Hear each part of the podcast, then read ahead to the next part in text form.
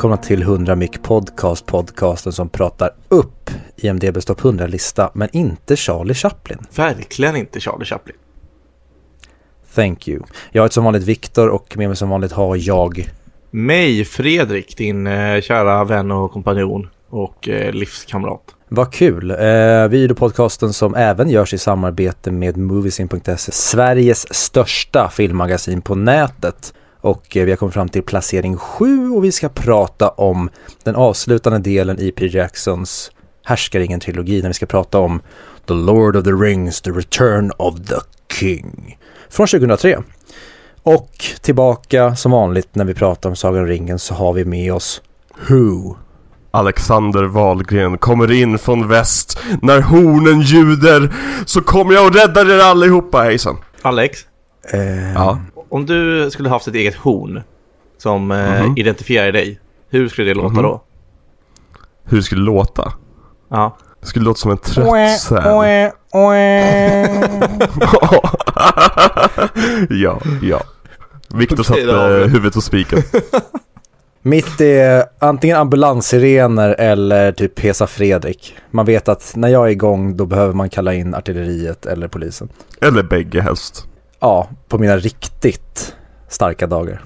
Mm, kul. Men eh, jag tänkte så här att eh, först tänkte jag fråga om ni hade sett något intressant sen sist men det är jag helt ointresserad av. Så jag tänkte nästan att vi dyker rakt in i Return of the King och eh, då vill jag lämna över till dig Fredrik. Om du får välja, var, var någonstans börjar vi prata om den här filmen?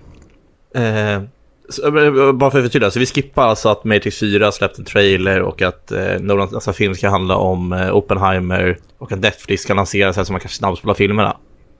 Svar ja. Okej, bra. Då tycker jag att... Oh, vart ska vi börja? Ja, men börja i början då. Vi börjar med inledningsscenen då. Ja.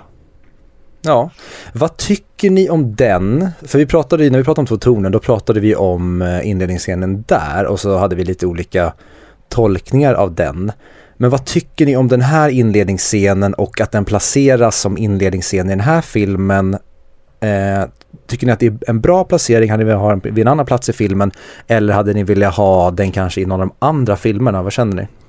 Jag känner ju instinktivt att Jag tycker att det är väldigt härligt att den här storslagna finalen på Sagan ringen-trilogin Får börja med en väldigt lugn bit Om man jämför med, jag minns ju det när vi var och såg när vi såg eh, trean, Hobbit 3 Den börjar ju bara rakt i actionen, fullt ös medvetslös Man hann inte ens vänta en, en minut innan man ser CGI-saker som flyger över halva skärmen och den här är verkligen, det här bevisar varför den här filmen ska få en bästa Oscar. För att den här, den här tar allting seriöst, den tar det lugnt, den andas i början.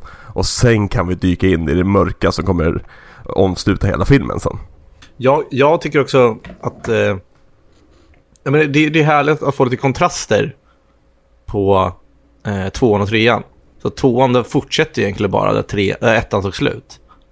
Men nu får vi egentligen en... Alltså nu känns det som att så här, men nu är det dags för slutet. Så nu måste vi bygga upp... Nu måste vi starta den här filmen på ett annat sätt. Precis. Och jag älskar det. Men tvåan börjar ju också med någonting som har hänt tidigare, eller vad då?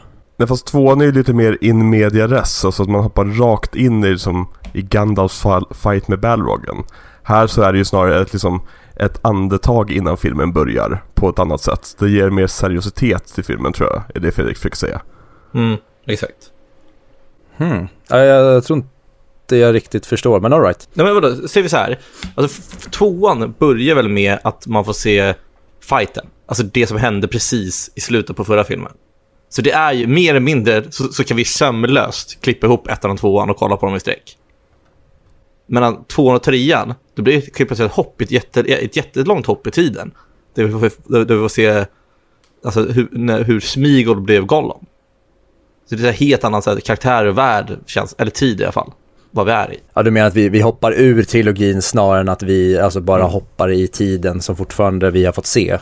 Exakt. Alright, ja men då är jag med. Då uh, varvade min hjärna till slut i fatt och nu förstår jag allting med livet.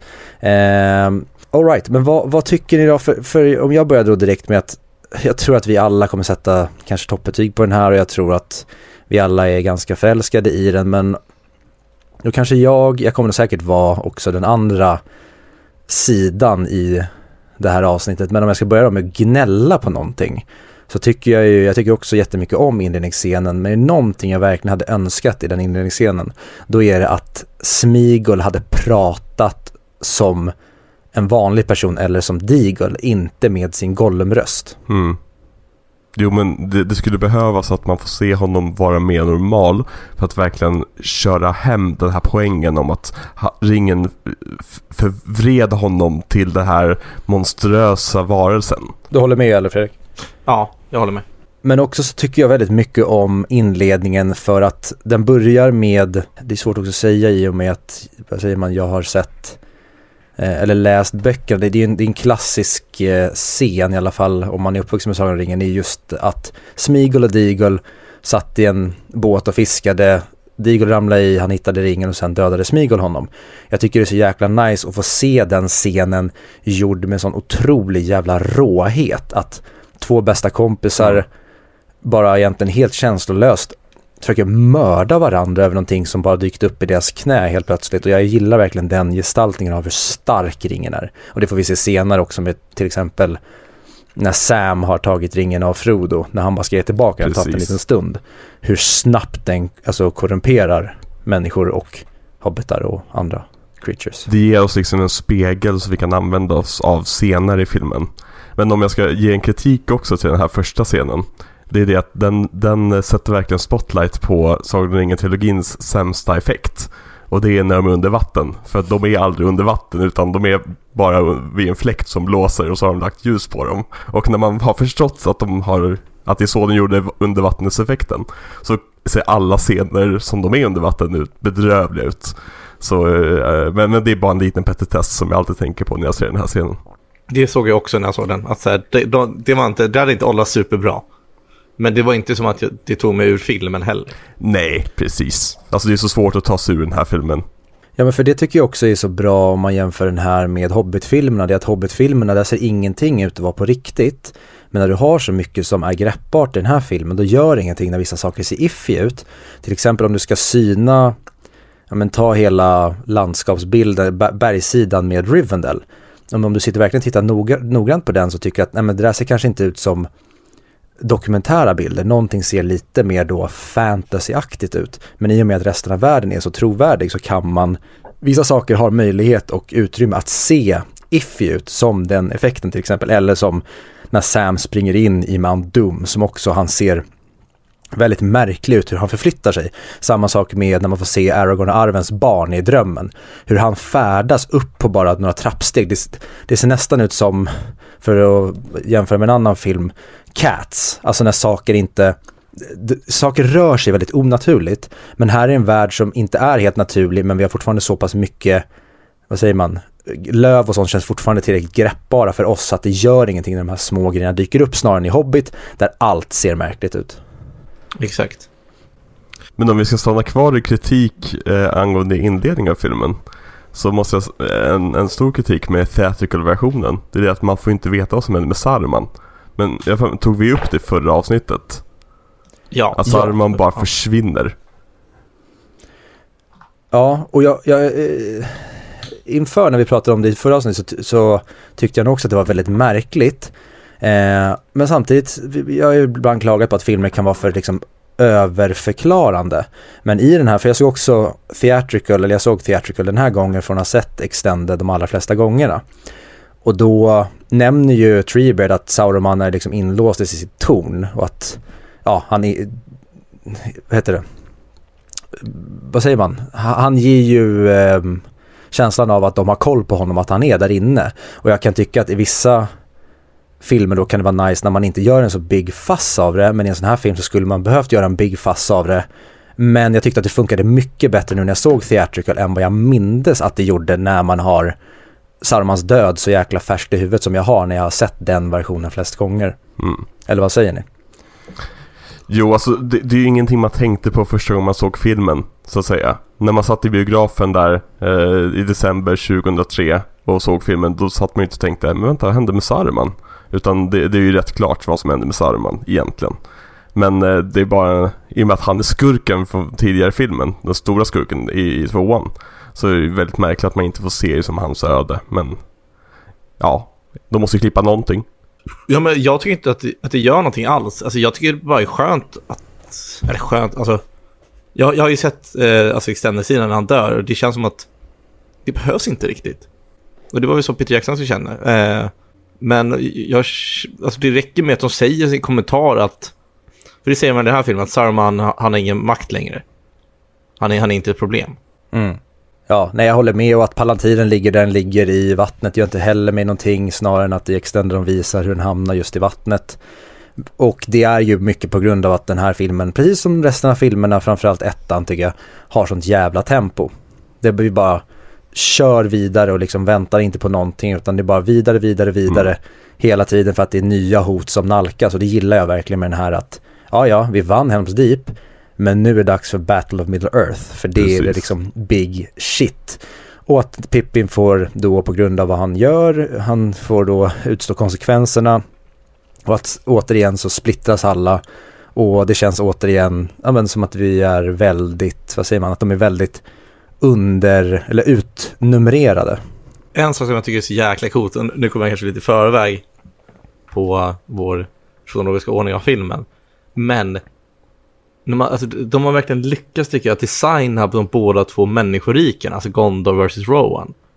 Där Rowan har lite mer, lite lättare stil, det känns som att de är mer hästfolket, eh, bra ryttare, kanske mer täcker stora ytor, lite mer lätta i dräkterna. De är mer läder och piskor liksom. Ja, exakt. Och sen, och sen när man kommer till Gondor och Minas Tirith så märker man här, wow, det här är en helt annan nivå. Det är statyerna, staden, alltså mm. storleken och designen på deras eh, rustningar.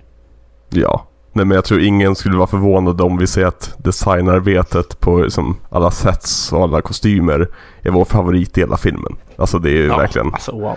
Ja, det är helt jävla stört. Varenda liten grej man kollar på, ja men en statist i bakgrundens rustning eller orchernas smink eller bara de zoomar in på pilen när Pippin sjunger. Alltså detaljrikedomen i de här filmerna är så sjuka och jag älskar att Peter Jackson kommer från liksom skräck hållet med de här sminkade grejerna som han har gjort i filmerna innan det här för det är verkligen den absolut bästa delen tycker jag med hela det här universumet. Det är att det är så mycket skräckelement. Bara när Gollum eller Smigol håller på att bli Gollum och han liksom kryper in i grottan och ser ut som, ja, jag vet inte fan vad han ser ut som men under hans liksom transformation till att man bara ser orcherna när de är i Osgiliath eller när de sitter uppradade. Det känns som att de möter, alltså, vad säger man, so, inte zombies men det är liksom saker som är läskiga på riktigt. Det är inga CGI-monster utan det här känns som spökhuset på Gröna Lund. Jag blir uppskrämd av att de har lyckats få de här varelserna att kännas så jävla skräckinjagande. Ja men det är ju som, orkerna är monster, riktiga mm. monster liksom så att säga. Ja jag håller med och det är jag antar att många har täckt de delarna, men det var verkligen något som jag reagerade på nu, när man verkligen fick den känslan. Eller jag fick den på ett annat sätt. Jag, man har ju märkt det innan, men alltså storskalig att, att jag tänkte först, men vad fan kan Rowan göra mot de här Gondor? Gondor måste ju vara verkligen huvudstaden i hela människoriket. Eh, men sen så tycker jag att det verkar som, jag kan inte bakom ner i låren, men att Rowan är mer, som jag sa innan, det här hästfolket, de är lite mer ehm, eh, eh, mongolerna. Alltså skjuta pilbågar från ryggen och duktiga med hästar. Ja men eh, alltså Rohan, om jag har förstått det rätt så är de inspirerade väldigt mycket av liksom, vikingkultur. Medans mm. eh, Gondor är mer eh, baserad på kanske engelsk eller kontinent, kontinental europeisk kultur. Liksom med borgar och liksom, rustningar och så vidare. Vilket ja. ger dem olika fördelar om vi, om vi ska prata om Fredriks favoritämne med kraftnivåer liksom. Så som med, med Rohan, i och med att de har hästar och de kommer som är i kavalleri så är det svårt att skydda sig från det när det kommer till som att ha sin, sin infanteristyrka. Men Gondors ja. infanteristyrka är sä säkert egentligen starkare än Gondors liksom, kavalleri. Så, men det, jag tycker de, de leker väldigt mycket med de här olika arméerna på ett snyggt sätt och de har så tydlig profil när man bara kollar snabbt, man, man behöver bara slänga ett öga på en soldat så vet man att aha, det där är en Rowan-soldat, aha, det där är en Gondor-soldat, aha, det där är en Citadel-vakt. Det är så, det, det är så ja. tydliga, liksom, ja, det återigen, designarbetet.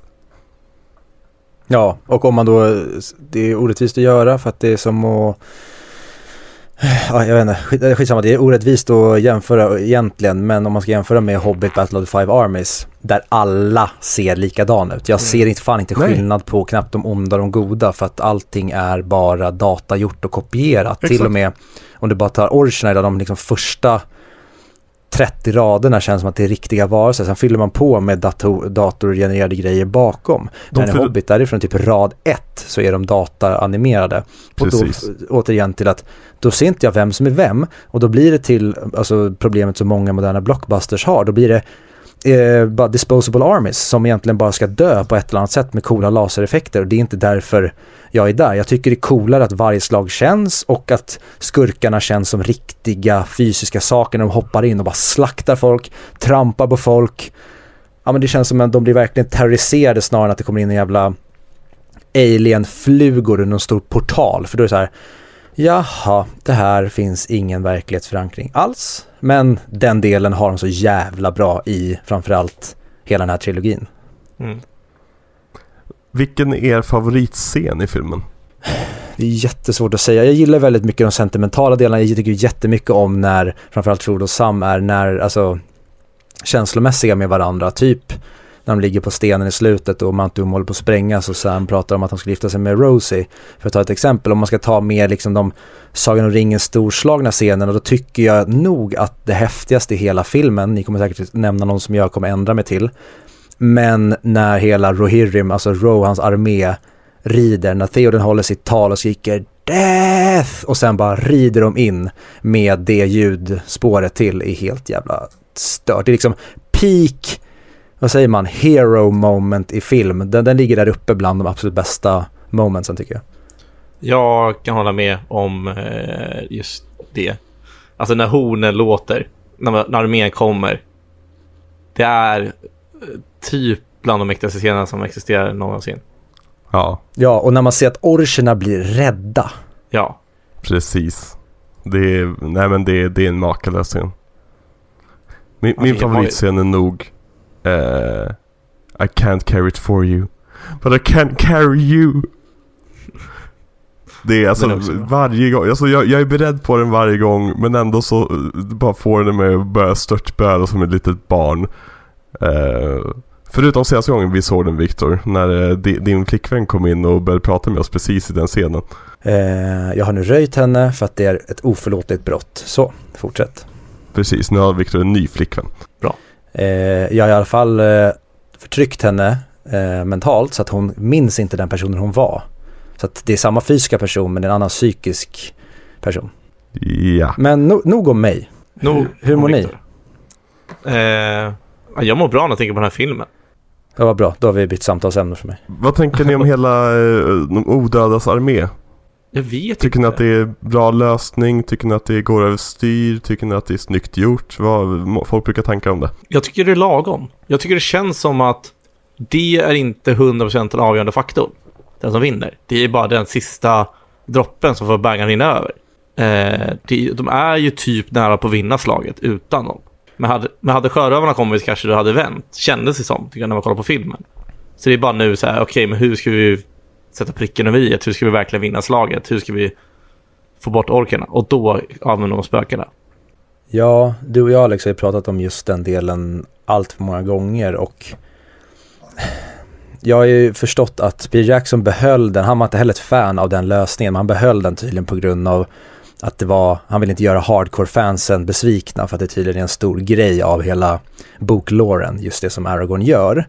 Mm. Men hade fått bestämma, då hade han åkt dit och så hade man gjort dem mer som zombies, att de var mer fysiska men det var fortfarande en duktig armé som han sammankallar. Och sen när han kommer med båtarna, då har de samma fysiska förutsättningar som alla andra.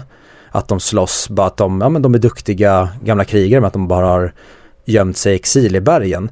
Men om du inte ska göra den grejen, då hade jag ju tyckte att, ja men fine om det nu ska vara spöken, men gör inte spökena till någon jävla termitarmé som kan klättra och gå igenom murar och sånt.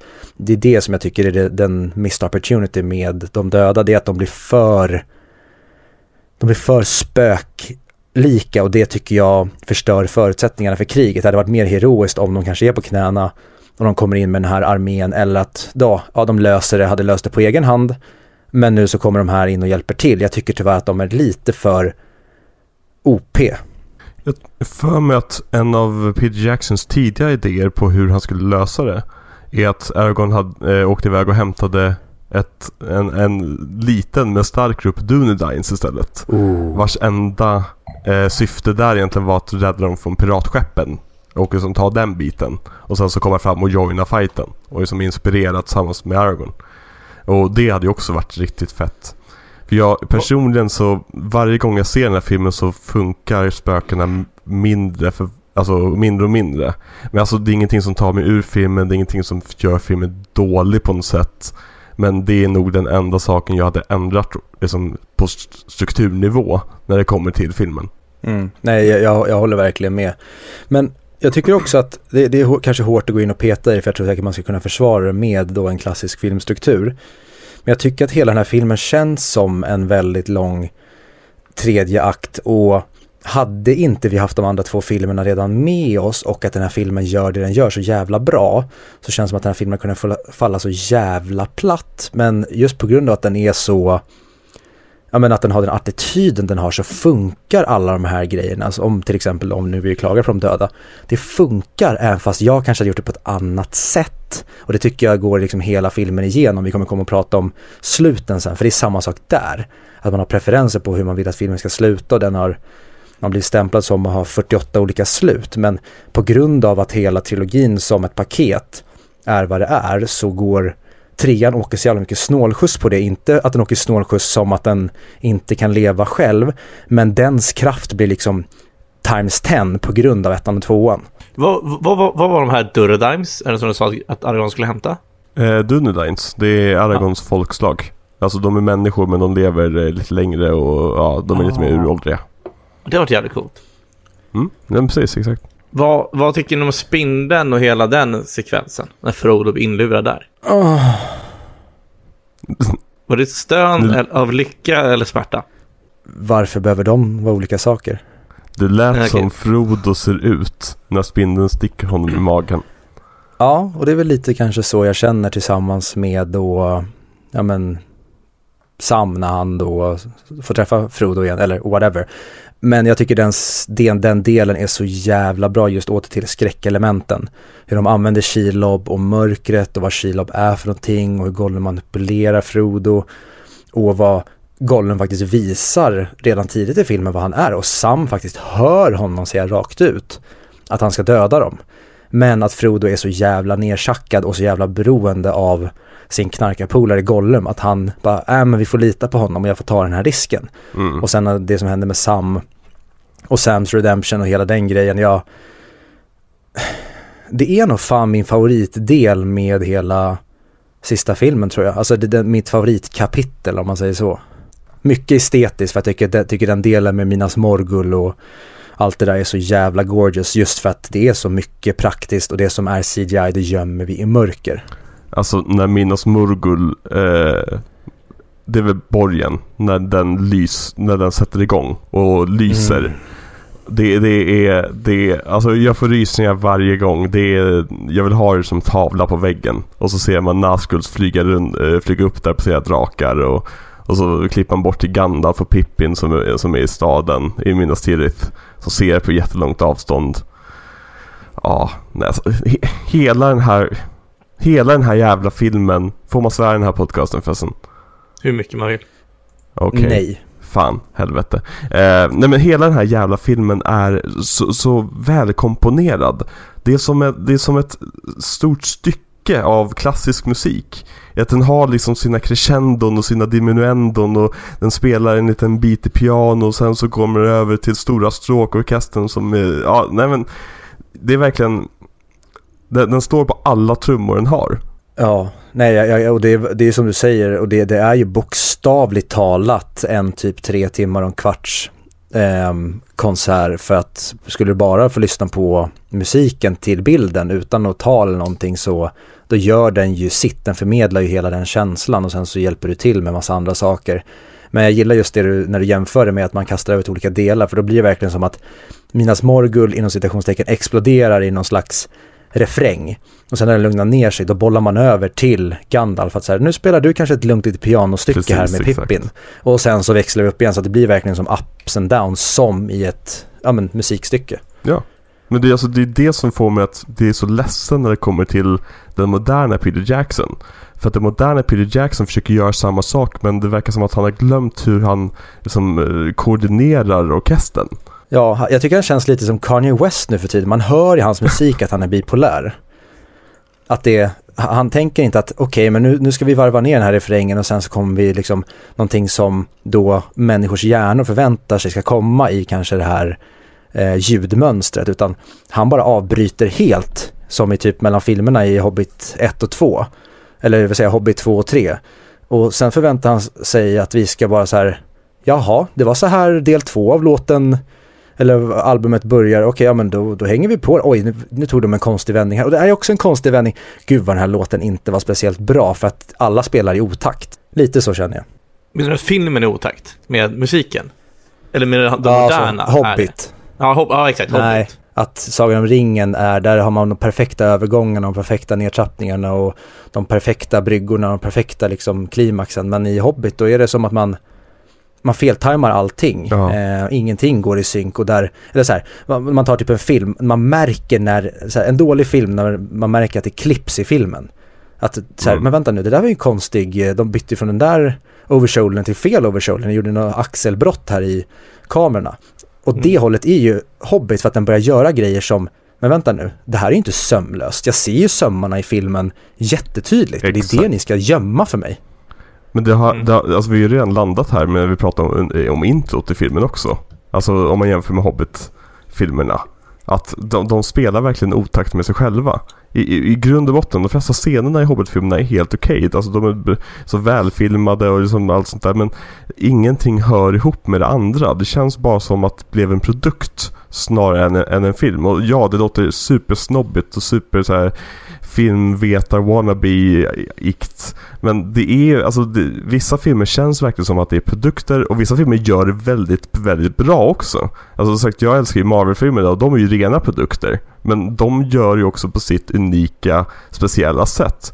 Medan Hobbit kändes som att det försökte vara någon annans produkt och att Peter Jackson bara var trött. Ja, Ja, men nej, jag, jag håller med. det, det finns jättemycket att säga om Hobbits och det, varför han misslyckades. Eh, och det är lite synd, för nu kommer vi få kanske den här chansen igen. Vi får bara hoppas att den nya Amazon Prime-serien blir framgångsrik. Vet vet ni om om Peter Jackson är ens är med på något hörn där?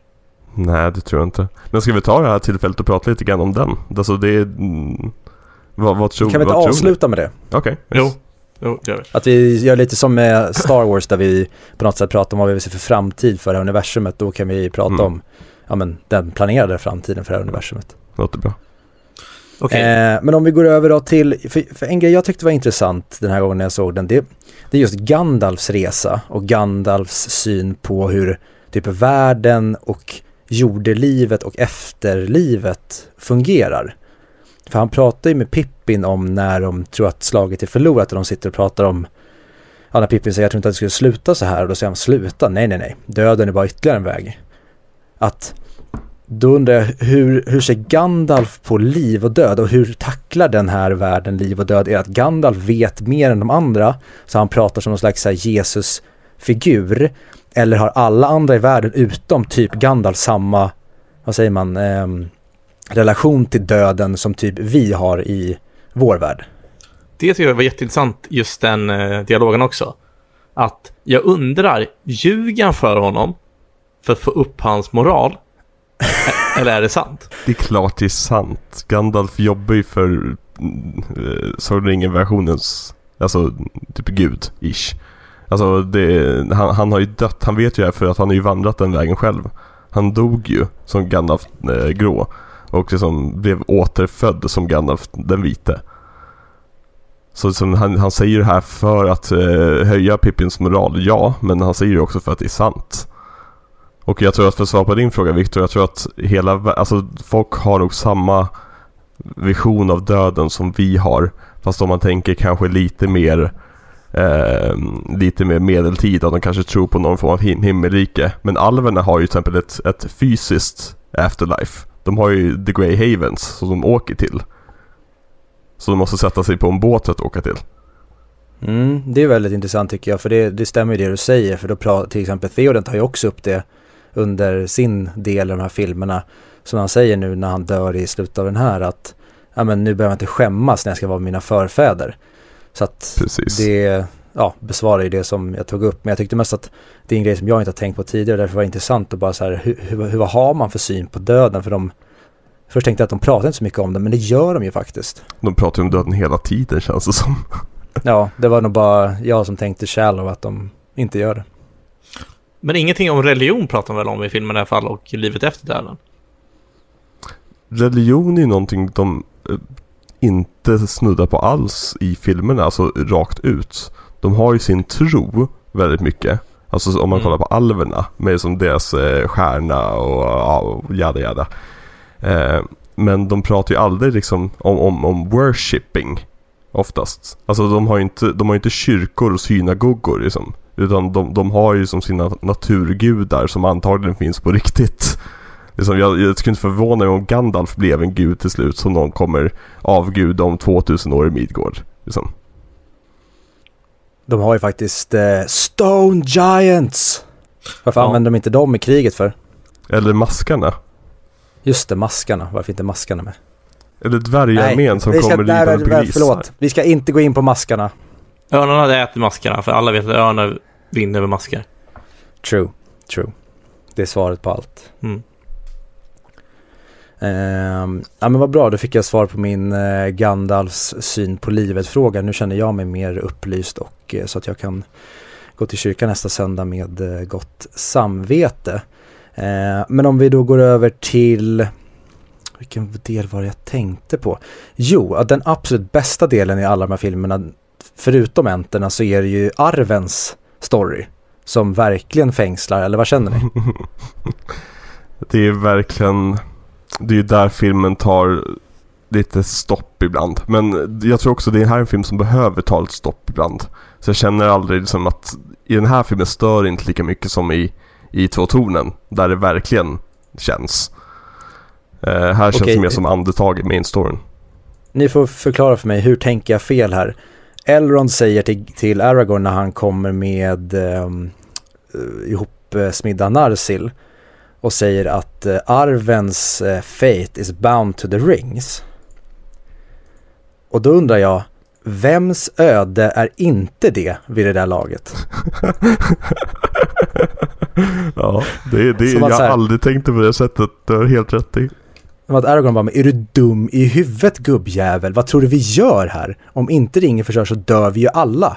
Ja, jag älskar arven, men sluta gör det personligt nu. För att det är inte så att jag blir mer, eller okej, det kanske är så att eh, Aragorn är på väg där och bara säger men fuck this shit, jag drömde min bitch och bara make babies and have a nice life, vi drar till Grey Havens eller whatever. Fast- Så att det kanske är när han kommer med svärdet så bara Ja, arven är också personligt bunden till det. Men då så, då tar jag svärdet, hämtar de döda, blir kung och vinner. Så det kanske är den repliken som räddar hela Midgård. Fast jag vet, alltså det är nästan som att det hade, att det finns en bortklippt liksom, eh, subplott Mm. i filmen. Om att arven är typ syster med ringen. Och att och när ringen förstörs då dör arven. Eller något sånt där. Och att Aragorn måste väl, verkligen välja med kärleken. Men liksom det finns ju, jag vet inte om det finns bevis för att det ska vara sant. Men det, det, en sån replik hade passat i den filmen, så att säga. Men finns inte en, en eh, bortklippt scen som är med extended där när han kollar in i stenen, vad nu den heter, jag kommer inte ihåg, Pal- Palantir? Ja, precis, i Nej. Palantiden. Ja, och då så visar Sauron arven. Ja, precis. Men han visar ju henne för att liksom säga till, till Aragorn liksom Fuckar du med mig så dödar din familj, horunge.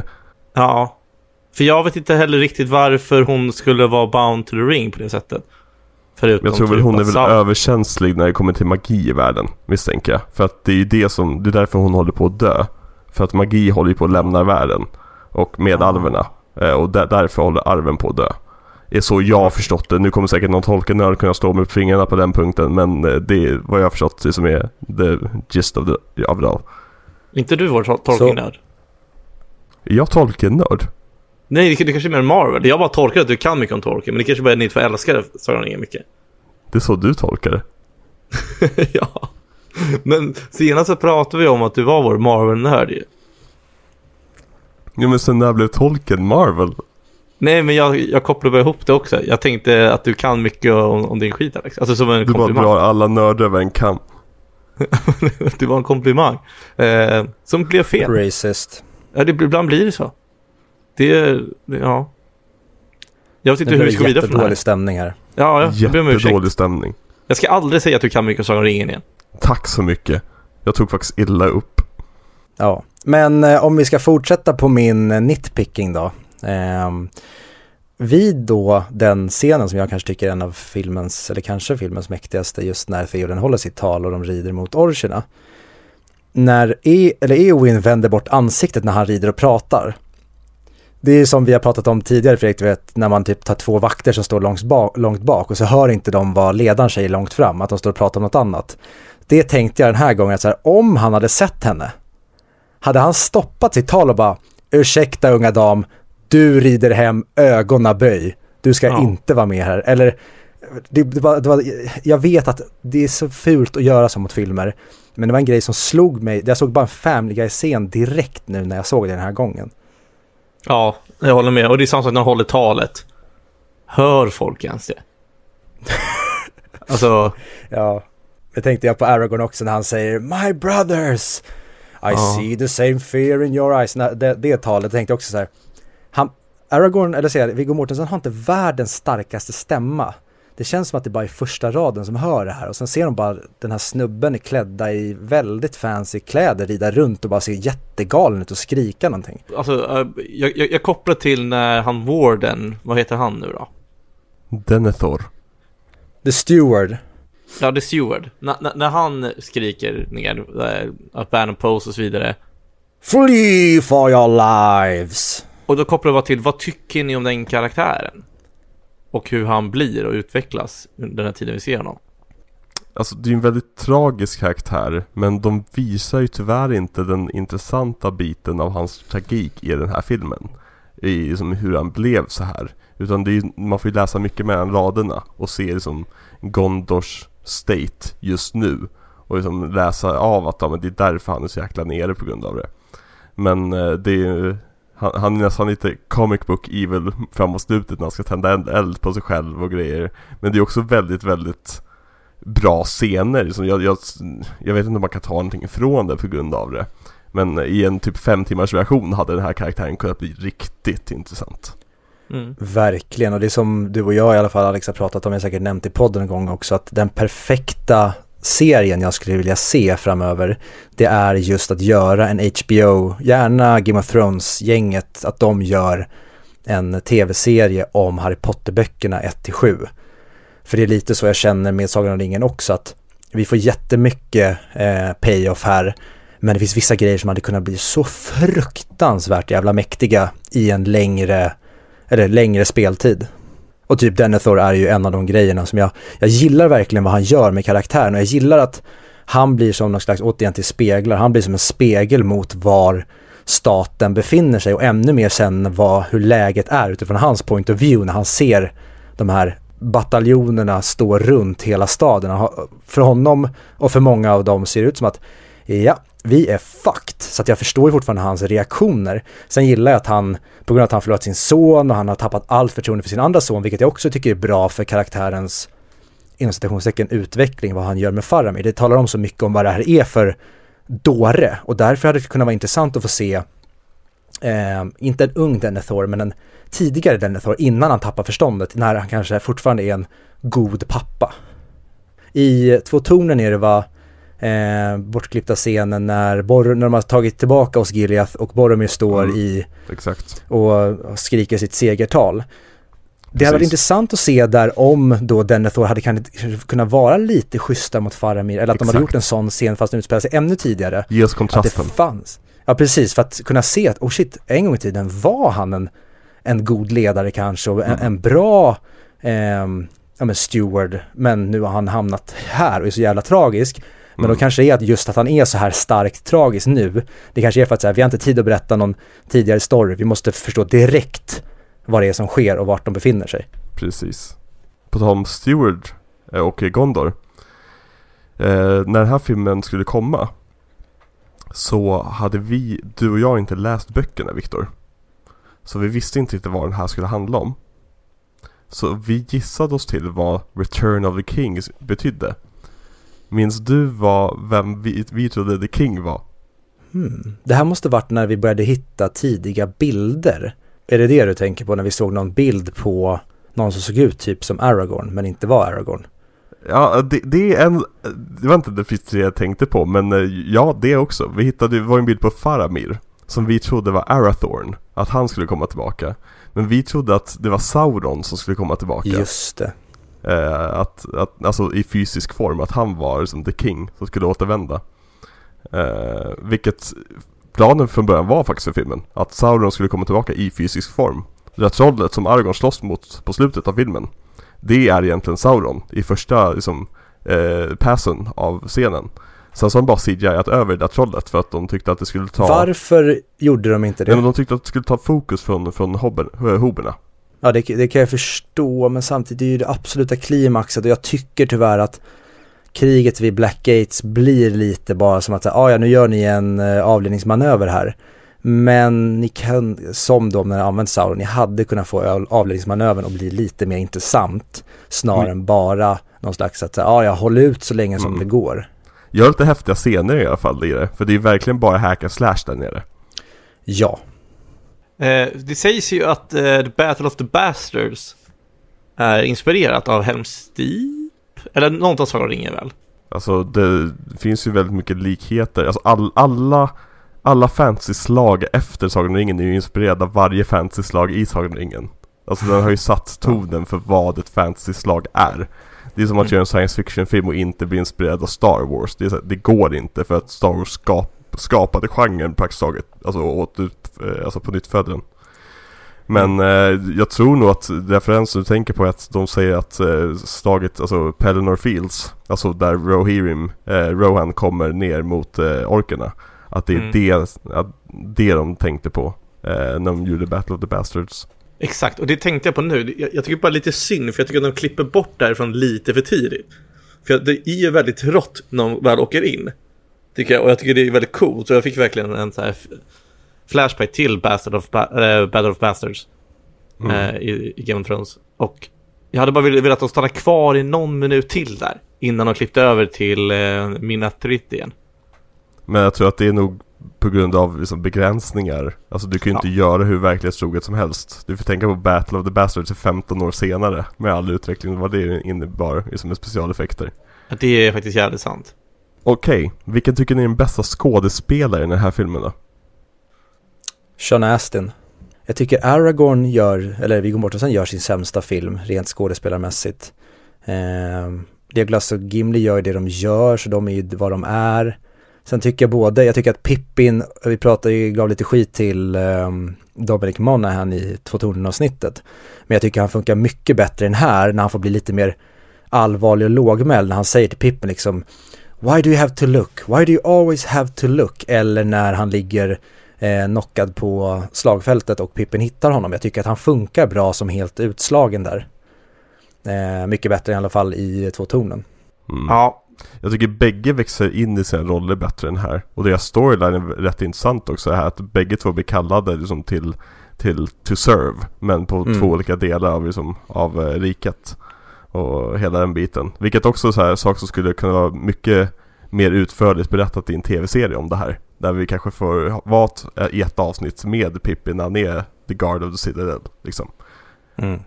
Ja, men, alltså Billy Boys performance tycker jag är, alltså, är jättebra i det här. När man får se hur Pippin blir, äh, äh, hur den karaktären mm. utvecklas till nu är faktiskt på allvar, du har fuckat upp, nu, Precis. nu liv eller död.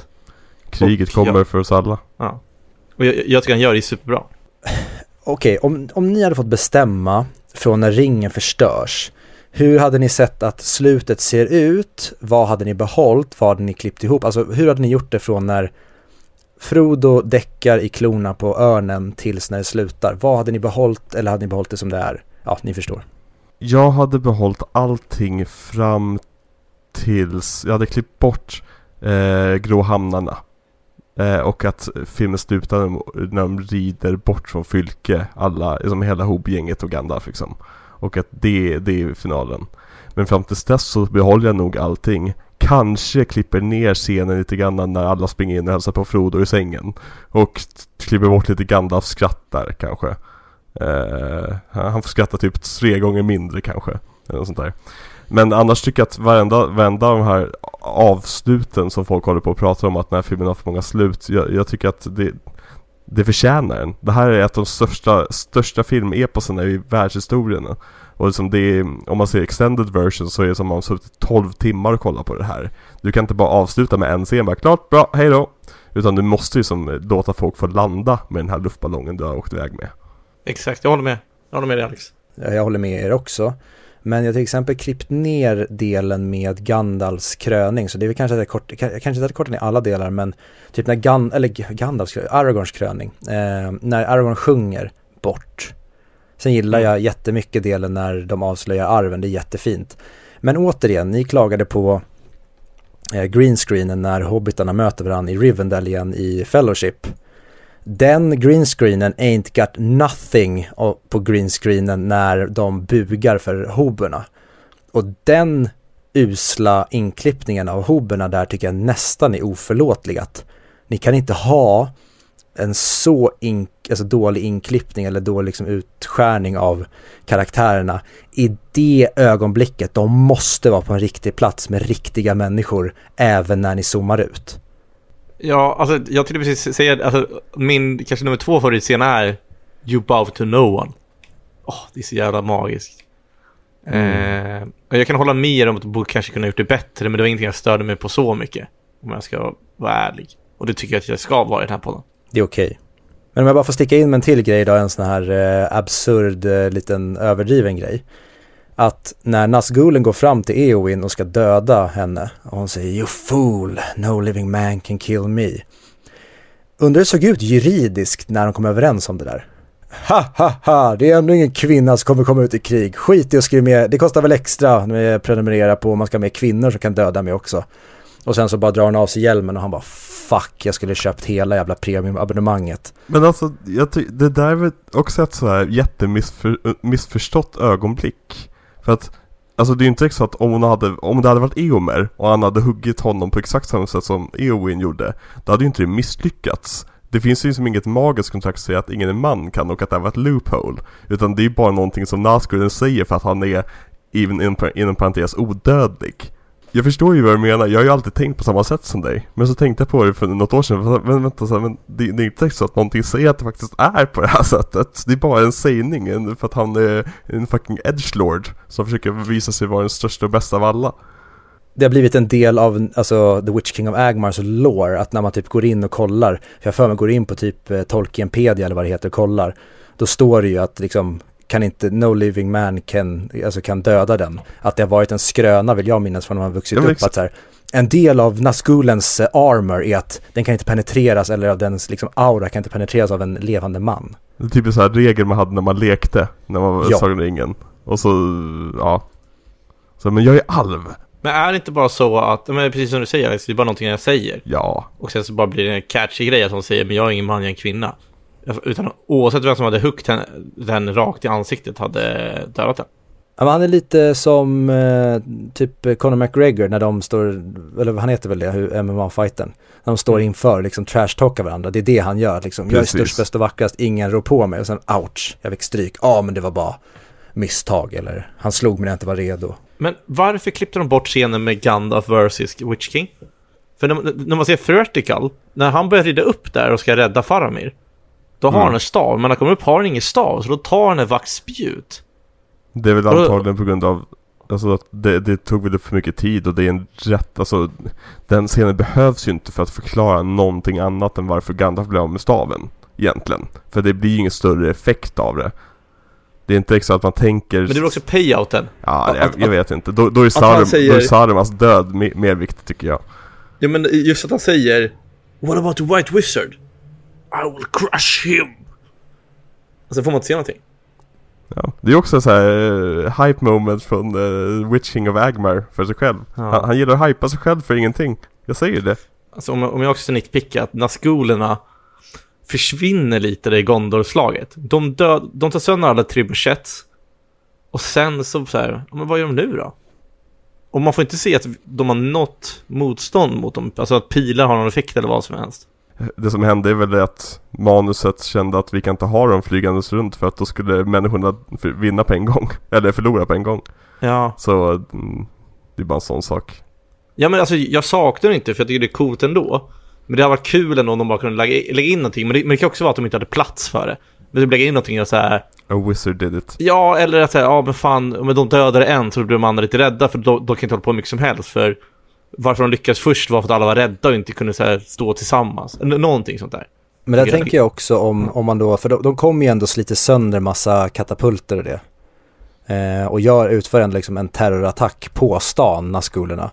Och då känner jag att så här, om det är deras typ JAS-plan, om de känner att nej men fuck it, våra marktrupper löser det själva, varför ska vi slösa på våra liksom dyraste eh, plan för, ja men vi sätter dem i bakgrunden för de andra löser det själva. Och sen när de märker att fuck, vi löser inte det här själva, då är de så här, oops, I'm out of here. Ja precis, och så dör deras ledare precis då också. Alltså det går ju Ja. att förklara bort det, alltså rätt lätt. Ska jag säga. Så det är, det är ingenting jag någonsin tänkt på ska jag säga. Men det Nej, som jag tycker är en, en, kul, en kul detalj om vi bara börjar prata random om filmen. När ringen tas till, eh, vad heter det, Sirtungol, det här tornet. Hur orkerna börjar bråka med varandra. Och att det är det som gör så att de kan, de kan fly. Det är, som att, det, det är inte liksom att, att Sam, Sam och Frodo har en mästerplan att liksom lyckas få så att orkarna börjar bråka med varandra. Utan det är så här ren girighet och att ringen är nära och liksom fuckar med allas huvuden. Det är så sådana små detaljer som inte filmen bara petar på utan man får liksom läsa med lite mellan raderna. Sånt gör den här filmen väldigt, väldigt bra. Ja, och som jag, jag tror att, jag vet inte om jag nämnde det i podden, men det var ju någonting som du rättade mig på nyligen Alex, när jag pratade om, för jag, jag, var, jag minns det som att det var urukajer och orcher i Kirit Ungol, men att det bara är två eh, olika liksom inriktningar av orcher som börjar Ja. bråka internt där. Och det gillar jag som fan att de går ner på den detaljnivån, om man då å- återigen ska ge ett pungspark på Hobbit, där allt ser likadant ut. De har till och med gjort två olika breeds av orcher i bara det här tornet för Precis. bara den här avstickaren i eh, storyn.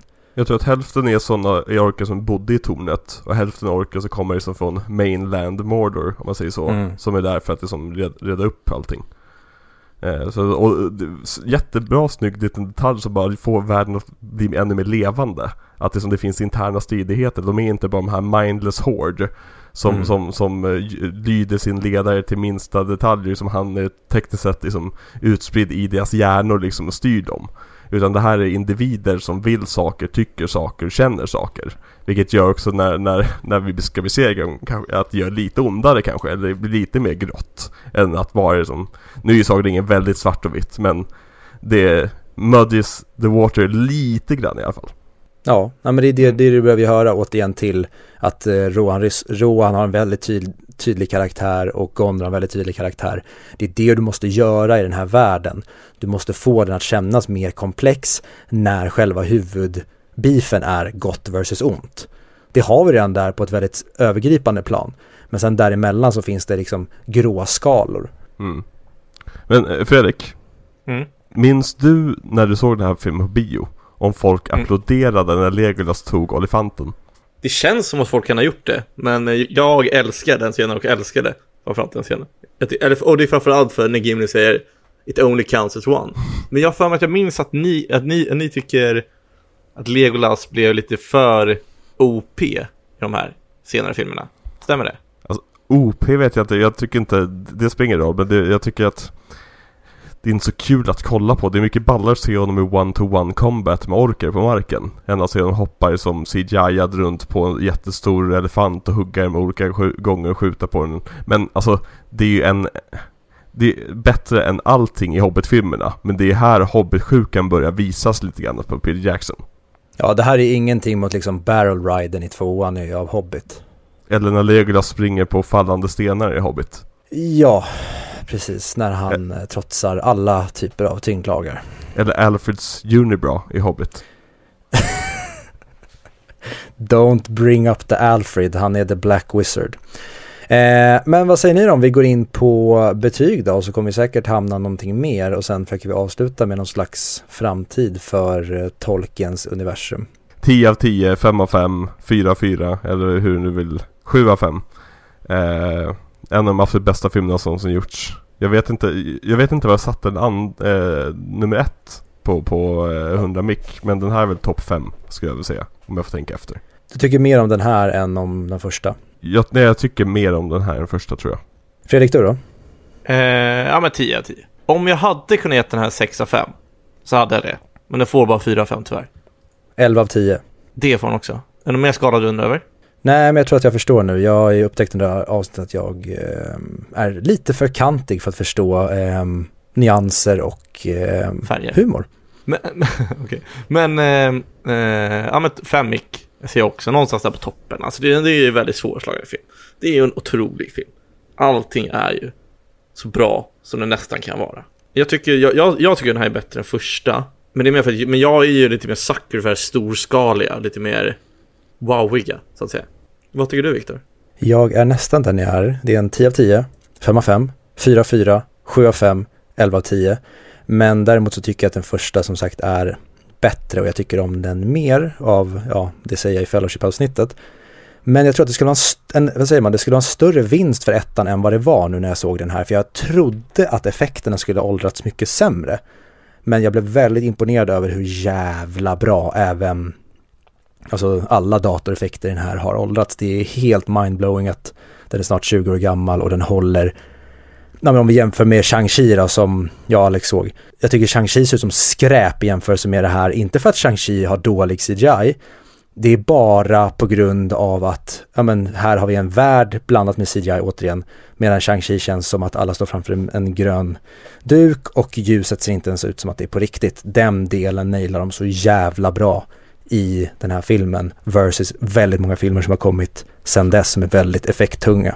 Men Viktor, om du fick välja mellan scenen från Shang-Chi när de står framför sjön där eller scenen när de står i Grey Havens i den här filmen, vilken ser bäst ut? Eh, det där är ju väldigt taskigt att säga. Eh, det är ju som att prata om en persons leverfläck och säga att jo men han är ju sin leverfläck eller varför pratar vi inte bara om leverfläcken?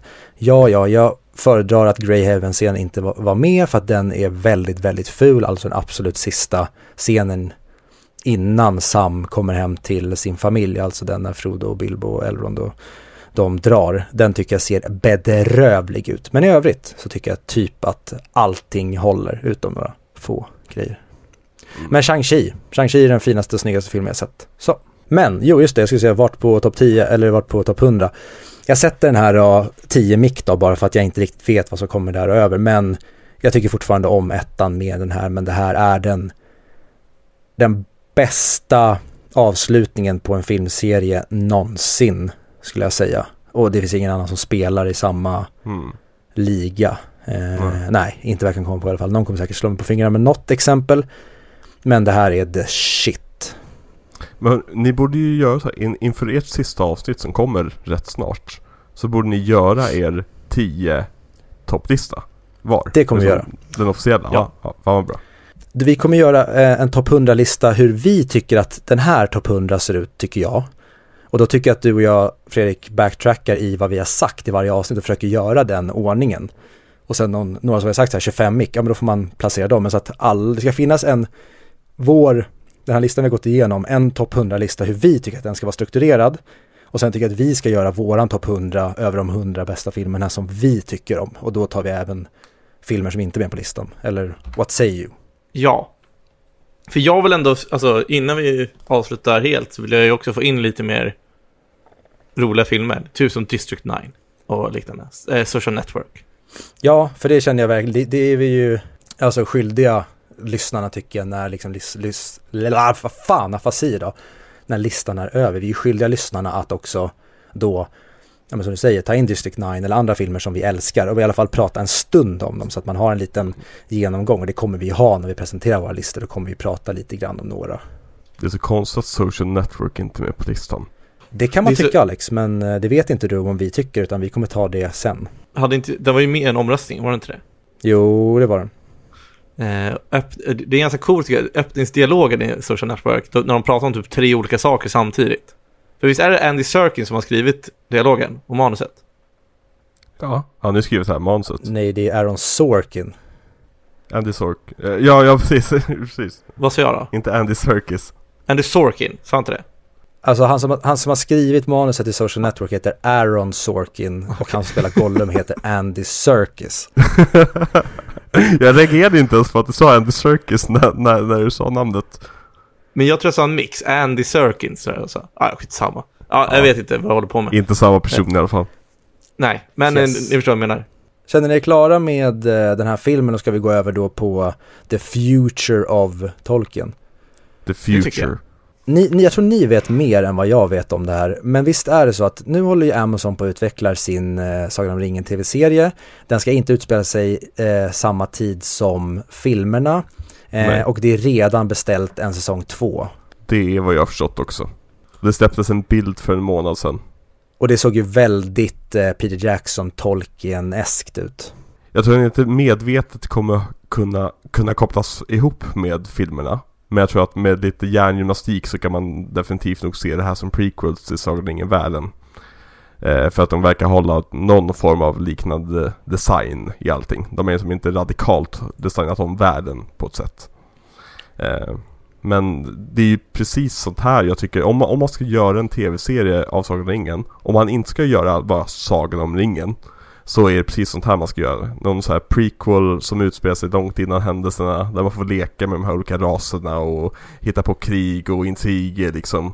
Jag hoppas att de verkligen tar ut svängarna när det kommer till fantasy-aspekterna. Ja, jag har ju läst att det ska vara naket så att jag är ju nöjd. Ja men då så, då är jag också såld. Grabbar, vill ni kolla på Sagan om ringen? Nej. Vill ni kolla på Sagan om ringen med tuttar? Ja! Och där var pitchmötet över och de beställde två säsonger av Sagan om ringen-serien. Och Amazon har ju ändå visat sig de senaste åren vara liksom bra på att investera i intressanta och roliga serier. Som The Boys och Invincible och så vidare.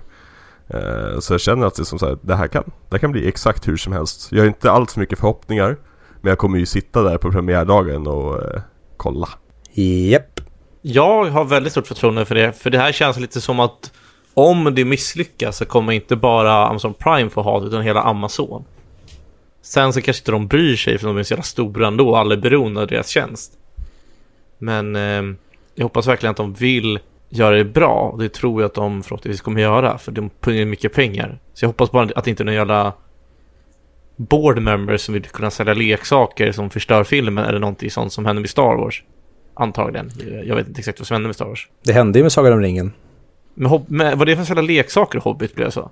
Det fanns ju ett, vad säger man, ett kapitalistiskt incitament att göra dem. Det var ju, Ja, självklart. Alltså Warner Bros finansierar ju inte att göra nya Sagan om ringen-filmer för att det är roligt eller för, att, för konstens skull. De ju, gör ju det för att stärka brandet, för att kunna sälja, ja, mer leksaker, men också fler tv-spel, eh, har som Sagan om ringen i parker och grejer, sälja franchise, alltså merchandise överlag. Så som det är, det allting har ju ett kapitalistiskt grund, Mm. en, en kapitalistisk grundbolt liksom. Så det är som jag ty tycker det är lite naivt att som prata om så här, den här kommer inte vara det. Så här, jo, det här är, alltså hela anledningen varför den här görs är för att vi ska fortsätta tänka på Sagan om ringen. Och köpa de gamla filmerna och liksom köpa eh, merchandisen och så vidare. Så liksom, men man får ju bara hoppas på att det kommer lite bra konst ut från det också. Alltså det är ju, man får ju, på samma sätt som de använder oss, så får konstnärerna använda dem. Mm. ja. Och jag eh, tycker det blir absolut bäst som med Sagan ringen-caset när du gör helt fantastisk konst. Sen gör ingenting att ni tjänar en jävla massa pengar på det, men sätt konsten först. Se till att göra rätt ordning snarare än hobbitordningen där vi, vi tjänar pengar och så bygger vi någonting runt att tjäna pengar.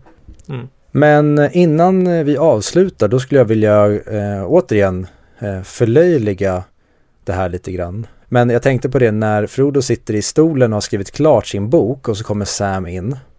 Och så känner han sig på, i, på bröstet. Han känner, känner sitt eh, bröst där eh, klingan penetrerade honom på Weathertop. Och så säger han att det har gått fyra år och det har fortfarande inte läkt. Det är ju bara det, vad säger man, det fysiska såret. Jag skulle vilja se en nedtonad, mer dramaserie om när Sam får ta hand om Frodo på grund av hans psykiska jävla PTSD han har. Som sen leder upp till att han bara, nej men fuck this shit, jag måste till grå hamnarna.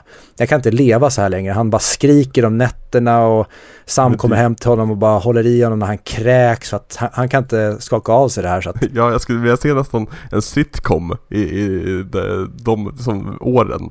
Exakt. Och det är, för det är också en grej som jag länge velat se och hade originalcasten gått med på det och det hade varit Sören och Anders som hade skrivit det. Min dröm typ att se, det är någon slags trailer eller kortfilm om när Sune i Sune, ja, familjen Andersson, nu byter jag ämne helt, när Sune sitter på psyket på grund av att han har sina vanföreställningar och sina fantasier och det har till slut satt honom på psyket och hela familjen Andersson samlas efter tystnad under många år. Sen åker de och hälsar på Sune på mentalsjukhuset och där sitter han och typ, ja men, har skrik och gapsjukan och pratar om 1300-talsmonster och att det är hemliga charmörer i hans flickväns garderob och sådana grejer.